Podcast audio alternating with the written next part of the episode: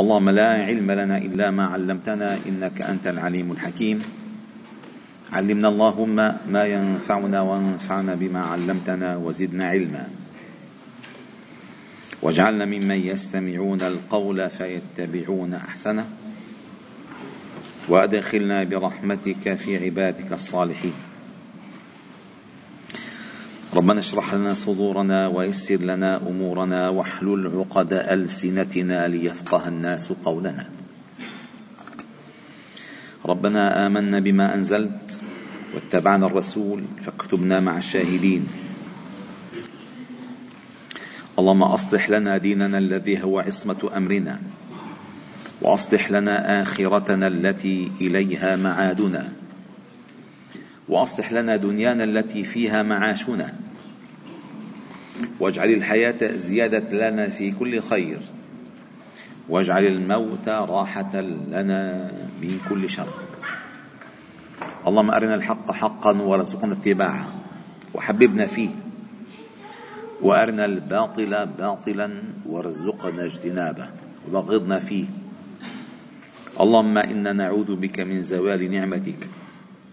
وتحول عافيتك وفجاءة نقمتك وجميع سخطك.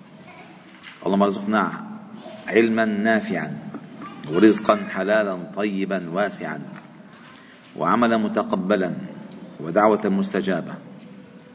وبعد أيها الأحباب الكرام فلا نزال معكم في قراءة هذا السفر المبارك. الموسوم بالشفاء بتعريف حقوق المصطفى صلى الله عليه وسلم. وهذا مجلسنا الثاني والخمسون من قراءة هذا الكتاب للإمام القاضي أبي الفضل عياض رحمه الله تعالى. قال فصل فيما يلزم من دخل مسجد النبي صلى الله عليه وسلم من الأدب سوى ما قدمناه وفضله وفضل الصلاة فيه وفي مسجد مكة وذكر قبره ومنبره وفضل سكن المدينة ومكة. ونحن بالأصل أيها الأحباب الكرام الله جل جلاله هو الذي يفاضل وفضلنا بعضهم على بعض. هو الذي يعطي الفضائل والذي يرفع وهو الذي يضع. وهو الذي شجر جعل شجرة ملعونة وجعل شجرة مباركة. وجعل أرضا ملعونة وجعل أرضا مباركة. وجعل رجلا أو أو مخلوقا ملعونا وجعل مخلوقا مباركا. الله هو الذي الأمر له كله كله. لأن له كل شيء. ويفعل ويقضي بحكم وعلم ومصلحة. والله جل جلاله منزهة أعماله عن العبث. كل شيء فيه حكمة ولك أنت لا تعلم. قد تعلم بعد حين. والفائدة لك أن تؤمن بما ترى فورا أنه في حكمة. حتى شوف الحكمة بصدق. ما المقصود هيك؟ هذا الآن الذي يحصل في غزة. يعني كم من الناس يعني آه، تطاولت ألسنتهم على موضوع الجهاد على موضوع الصمود على موضوع غزة على موضوع كذا وكذا. بعد فترة قد يتبين لهم أنهم على خطأ كبير. ولكن الفتنة عندما تهجم الفتنة لتمحص الذين آمنوا من أول صدمة ماذا يقولون؟ أين الموقف الأول؟ الموقف الأول يكون على علم. يعني العدو عدو. مهما حصل مهما حصل العدو يبقى عدوا. وهذه الأرض مهما حصل تبقى أرضا مباركة. مهما حصل. هي عندنا ثوابت وهؤلاء معتدون. معتدون. الأرض ليست لهم. هم غاصبون لها. وواجب على كل من يملك إرادة في دفع أذاهم أن يفعل. وكل من يستطيع أن يدفع الأذى ولا يفعل هو شريك في الأذى. مما كان يكون. مفتي قاضي شيخ قراء إمام جامع. مما كان يكون. تستطيع ولا تفعل؟ أن تفعل هذا ولا تفعل؟ فأنت مشارك لهم في الأذى والجريمة. أيا كان. سيظهر ذلك بعد حين. بدليل الحديث الصحيح ما من مسلم يخذل مسلما في موطن ينتهك أو تنتهك فيه حرمته إلا وخذله الله تعالى في موطن يحب فيه نصرته. الجزاء من جنس العمل وما من مسلم ينصر مسلما في موطن ينتهك فيه حرمته إلا نصره الله في موطن يحب فيه نصرته. جزاء وفاقا فأنت قدم لنفسك. قدم لنفسك الآن. كلمة دعاء سجود دفع آه، آه، آه، تبيين. تبيين حق. تبيين تبيين حق. هذا هذا جهاد. أما ما دخلنا. لا دخلنا. ثم قال فهذه المفاضلة الله الذي فضل المسجد الأقصى الحرام. الله الذي فضل المسجد النبوي. الله الذي فضل المسجد الأقصى. ما نحن؟ لأن ما عندنا آه، شو اسمه باريس مفضلة. ولا نيويورك مهمة. عندنا الأراضي التي فضلها الله مهمة. الأرض الشام مباركة. الله جعلها مباركة. والأرض التي باركنا فيها للعالمين. الله جعلها مباركة. ما أنا. الله. فقال هنا قال قال الله تعالى لمسجد أسس على التقوى من أول يوم أحق أن تقوم فيه. شوف الآية ده قوية. الله شهد لهذا المسجد أنه أسس على التقوى من أول يوم. وحث النبي صلى الله عليه وسلم أن يكون هو أحق من يقوم فيه. ثم قال فيه رجال يحبون أن يتطهروا. فإذا شوفوا الفضائل الثلاثة أيها الأحباب الكرام. أولا الله جل جلاله مدح المسجد. مدح المسجد. ثم مدح من من أمه. وهو النبي صلى الله عليه وسلم. ثم مدح من يصلون فيه. كل ممدوح.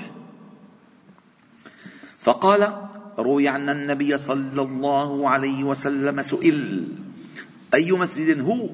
قال هو مسجدي هذا. وهو قول ابن مسيب وزيد بن ثابت وابن عمر ومالك بن أنس وغيرهم وعن ابن عباس أنه قال مسجد قباء.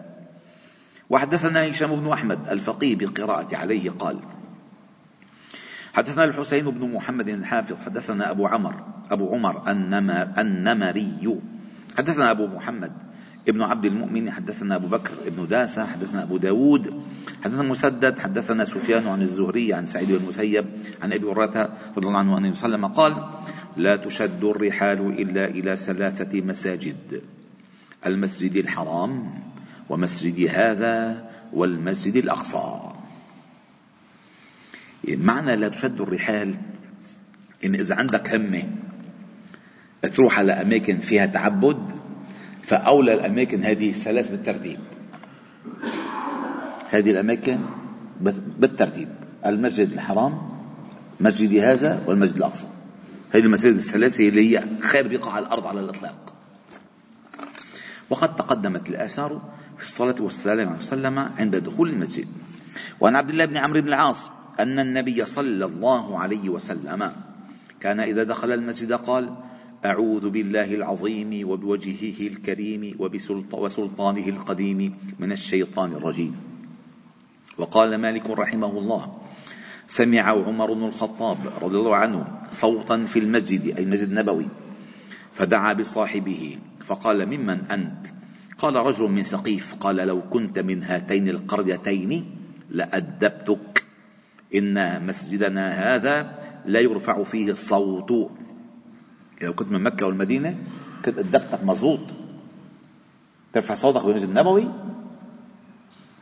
ترفع صوتك يعني ليش؟ حضرة النبي صلى الله عليه وسلم يعني.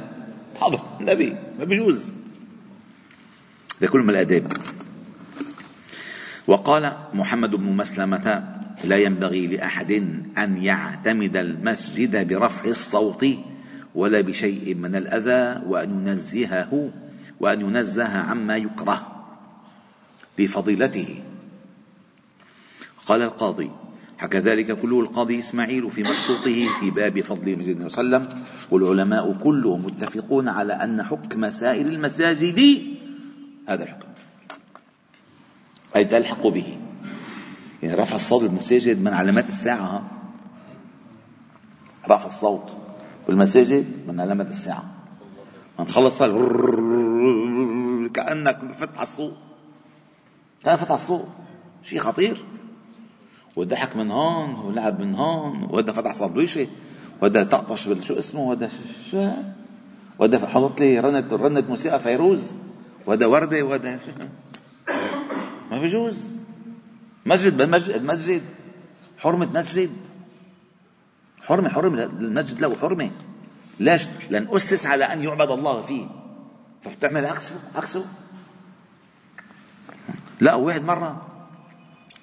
أنا صار يعني هون عندنا بالجامعة من كم سنة أول ما مدرسة الدقاط سجل هذه النغمة وإذا أعجبتك هذه الأغنية حطها رنة عمل أكسبت حطها رنة ورجع الجامع. عم عم نصلي. وبلشت الغنية ما بتخلص خلصنا الصلاة. قال له يا زلمة ربما يكون عندك جهل بالحكم الشرعي بس مشان نعلمك الحكم الشرعي. هلا قد تقول أنا عم أقول له هيك لأن أنا بعرفه. إذا ابمون عليه فلازم أقول له قد تقول إنه أنا لأني خاشع في صلاتي القوية فتفصل صلاتي معقولة أنا مد إيدي على التليفون؟ واطفيه ما عم بدي على التليفون. بروح خشوع الجامع كله ولا بحط في تليفوني. بدي أسألك سؤال. بدي ما أعمل لك بدي أسألك سؤال. لو كنت في صلاتك أنت وأنت ركعت وسجدت كان معك 100 دولار هون. هيك ها؟ هاي 100 دولار. ورجعت وقفت. وبينت اجا واحد عم بس عم يمزح معك عم يمد إيده. بس بده يسعيره شو بتعمل فيه؟ أخذه ومشي. شو بتعمل فيه؟ خشوعك. يبقى معك؟ ولا بتقطع الصلاة وبتقتله؟ فإذا إذا الخشوع هذا منه مزيف. هذا منه خشوع؟ هذا قلة قلة فهم بالصلاة. هذا أخذ فما بيصح. ابدا ما بيصح. ونفس الأمر اللي مع أولاد صغار. لأن هذا هدف كبير. الولد الصغير هدف كبير. لك سكتوا هذا مسجد. ما بيصح لا لا ينبغي أن يرفع الصوت في المساجد. إلا بالذكر بالدعاء بالعلم بالادان بالصلاة. بالدرس غير هيك ابدا. كانوا وينك؟ لك شو وينك؟ بالصلاة انت بالمسجد. أصلا المساجد هيئت لتبني الرجال. فيه رجال. فقال والعلماء كلهم متفقون على أن حكم سائر المساجد هذا الحكم. قال القاضي إسماعيل وقال محمد بن مسلمة يكره في المسجد الرسول صلى الله عليه وسلم الجهر على المصلين فيما يخلط عليهم صلاتهم وليس مما يخص به المساجد رفع الصوت وقد كره رفع الصوت بالتلبية في مسجد الجماعات إلا المسجد الحرام ومسجد ومسجد منى يعني التلبية بتعرفوا لبيك اللهم لبيك. هذا هيك حج عمل الحج. النبي صلى الله عليه وسلم يقول في الحديث الصحيح أفضل الحج العج والثج. أي رفع الصوت بالتكبير. هذا العج والثج الذبح أي إراقة الدماء. وقال أبو هريرة عنه عليه السلام قال صلاة صلاة في مسجدي هذا خير من ألف صلاة فيما سواه. إلا المسجد الحرام. شو ألف صلاة؟ يعني خمس صلوات؟ خمس آلاف صلاة بالثواب. لك أحسن من هيك؟ لسه أكثر من هيك؟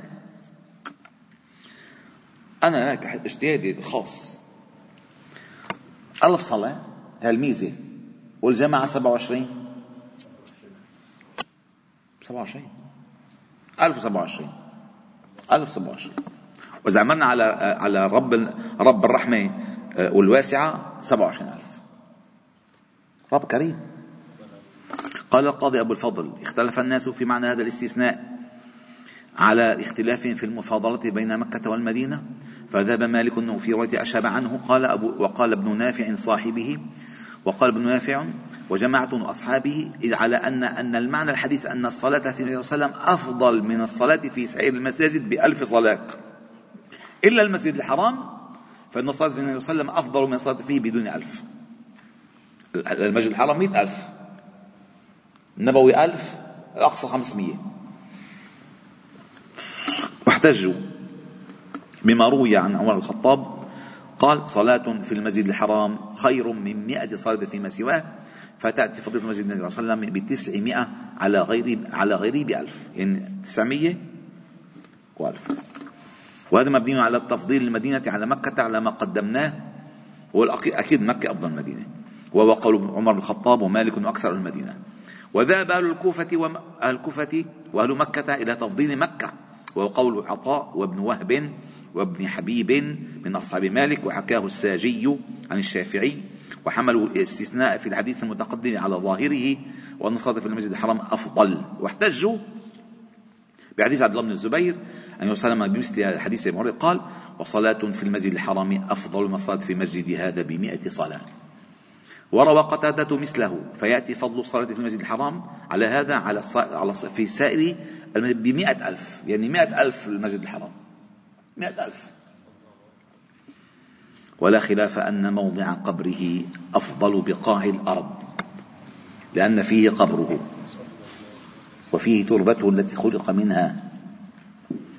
قال القاضي أبو الوليد الباجي والذي يقتضيه الحديث مخالفة حكم مسجد مكة لسائر المساجد ولا يعلم منها حكمهما حكمها, حكمها مع المدينة. وذهب الطحاوي إلى أن هذا التفضيل إنما صد الفرض.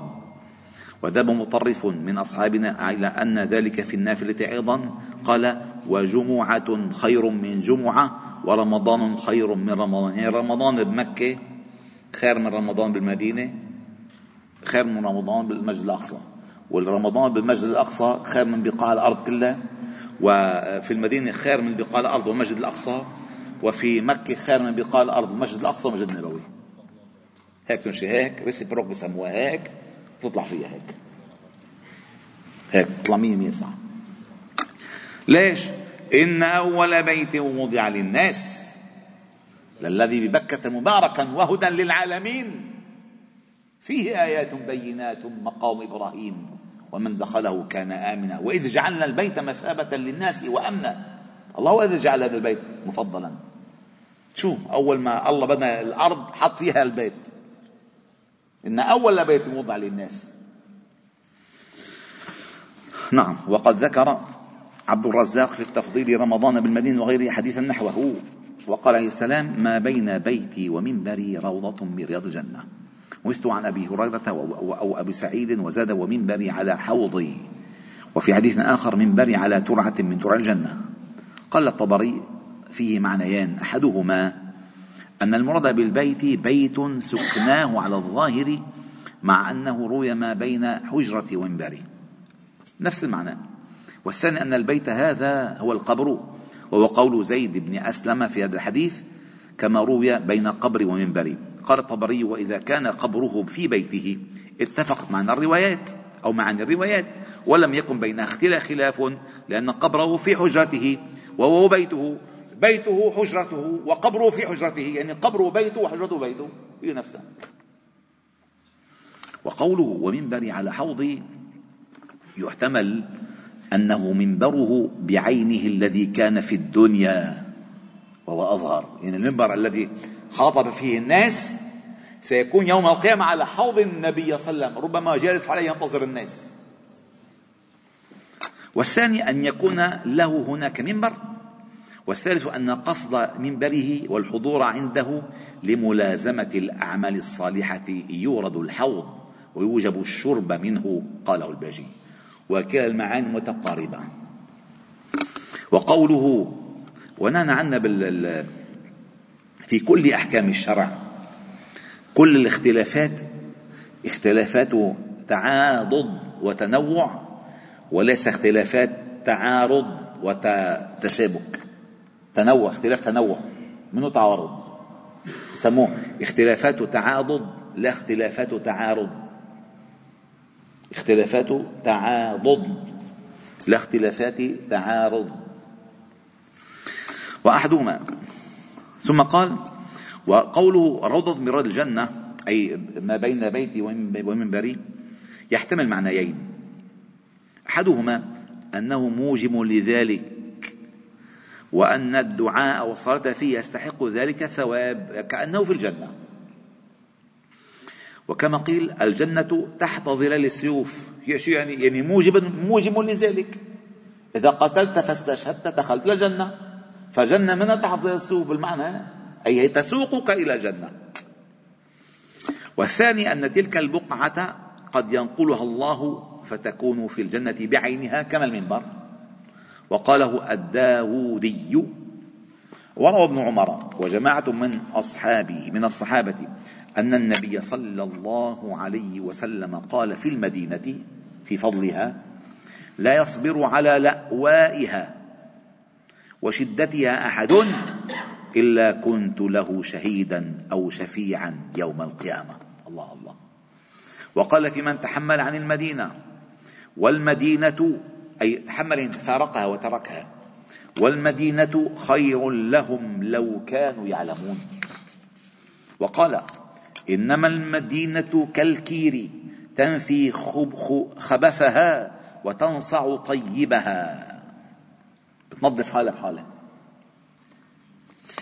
وقال لا يخرج أحد من المدينة رغبة عنها إلا أبدلها الله خير منه. طلعت أهم رغبة ترجع في غيرك شيء. وروي عنه عليه السلام من مات في أحد الحرمين حاجا أو معتمرا بعثه الله يوم القيامة ولا حساب عليه ولا عذاب. وفي طريق آخر بعث من الآمنين يوم القيامة. وعن ابن عمر قال من استطاع أن يموت بالمدينة فليمت بها فإني أشفع لمن يموت بها. الله الله وفي حديث خطير رواه الإمام مسلم كما أذكر. حديث خطير.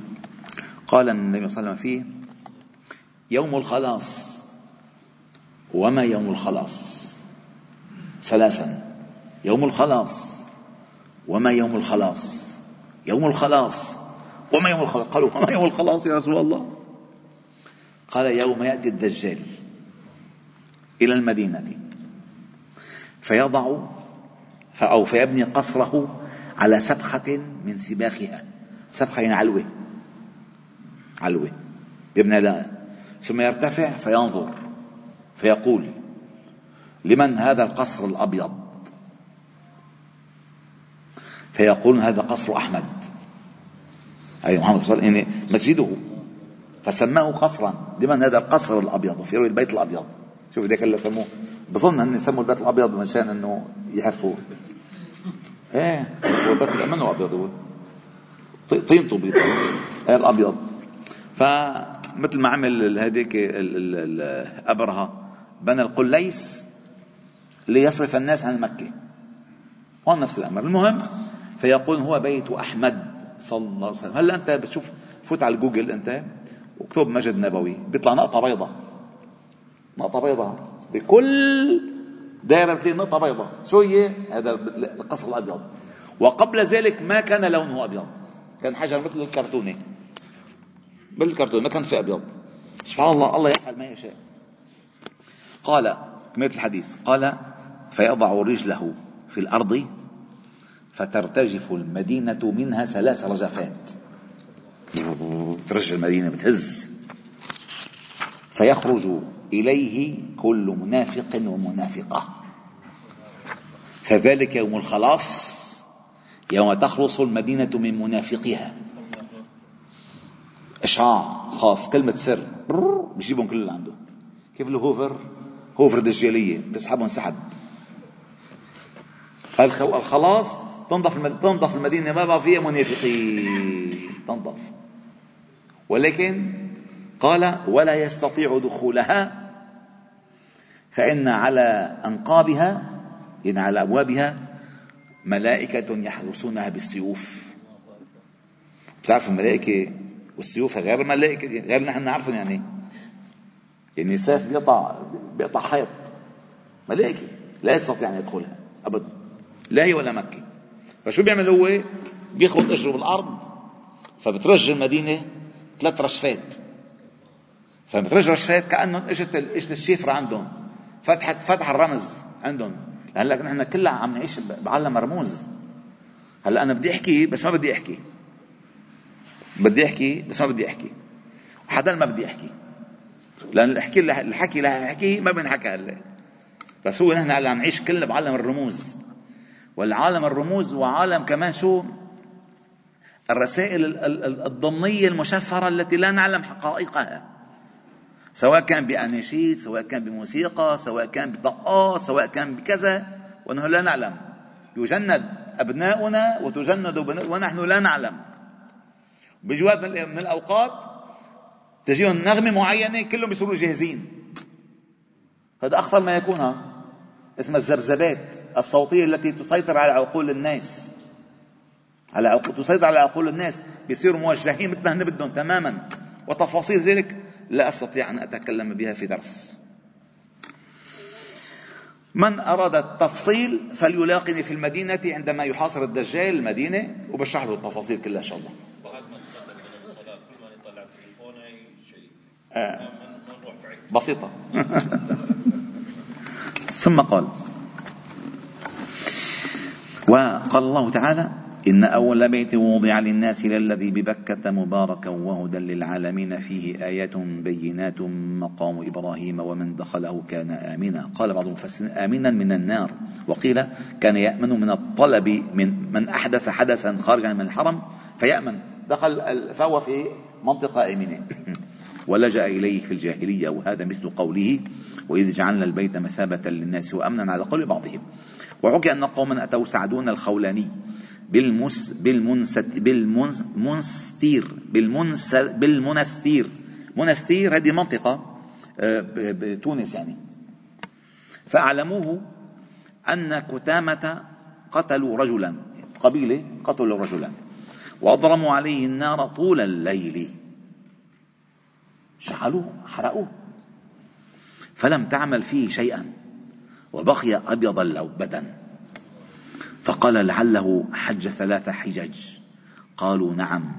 قال حدثت أن من حج حجة أدى فرضه ومن حج سنة داين ربه ومن حج ثلاث حجج حرم الله شعره وبشره على النار. يا الله يا الله. ولما نظر النبي صلى الله عليه وسلم إلى الكعبة قال مرحبا بك من بيت ما أعظمك وأعظم حرمتك. في الحديث عنه عليه السلام ما من أحد يدعو الله تعالى عند الركن الأسود إلا استجاب الله له وكذلك عند الميزاب وعنه عليه السلام قال من صلى خلف المقام ركعتين أي في مقام إبراهيم غفر له ما تقدم من ذنبه وما تأخر وحشر يوم القيامة من الآمنين.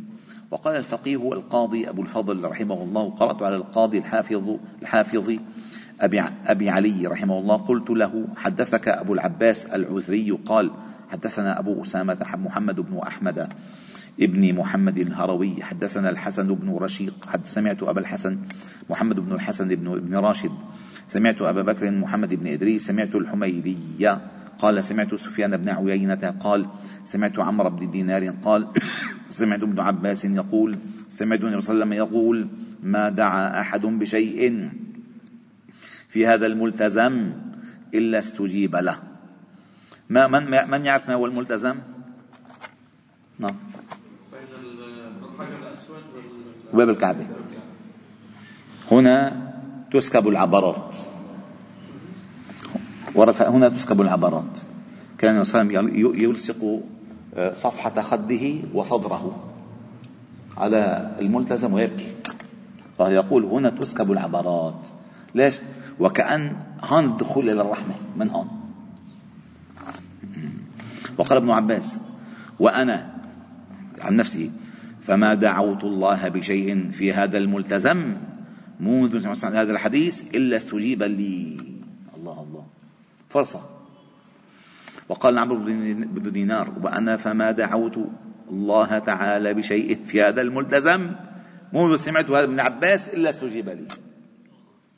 وقال سفيان وأنا فما دعوت الله بشيء في هذا الملتزم منذ هذا من عمرو بن دينار إلا استجيب لي. وقال الحميدي وأنا فما دعوت الله بشيء من هذا في هذا الملتزم منذ هذا من سفيان إلا استجيب لي. وقال محمد طويلة حتى نوصل لنا إن شاء الله يا رب. وقال محمد ابن إدريس وأنا فما دعوت الله بشيء من هذا الملتزم في هذا الملتزم هذا من الحميدي إلا استجيب لي وقال أبو الحسن محمد بن الحسن وأنا فما دعوت الله بشيء من هذا الملتزم في هذا الملتزم.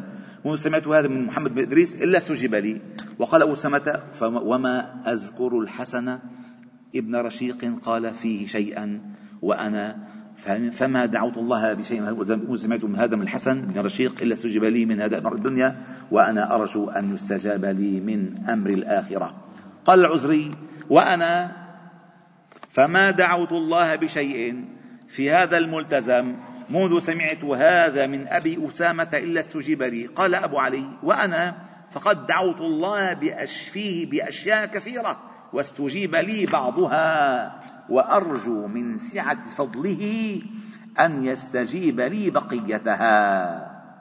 ونحن إن شاء الله تعالى إذا رزقنا الله تعالى حجا أو عمرة ندعو الله تعالى ونرجو أن يستجيب الله لنا كما استجاب لأبي علي والعزري وأبو أسامة وأبو الحسن ومحمد بن إدريس والحميدي وسفيان وعبد الدينار بن عباس. قال القاضي أبو الفضل قد ذكرنا نبذا من هذه النكت في هذا الفصل وإن لم تكن من هذا الباب لتعلقها بالفصل الذي قبله حرصا على تمام الفائدة والله الموفق للصواب برحمته. والحمد لله رب العالمين. إن شاء الله تعالى القسم الثالث الآن سيبدأ من الكتاب وهو فيما يجب للنبي صلى الله عليه وسلم وما يستحل في حقه أو يجوز عليه وما يمتنع أو يصح من الأحوال البشرية أو تضاف إليه. هذا كلام بقى خاص فيه. والحمد لله رب العالمين. سبحان الله وبحمدك نشهد أن لا إله إلا أنت نستغفرك ونتوب إليك وصلي وسلم وبارك على محمد وعلى آله وأصحابه أجمعين والحمد لله رب العالمين.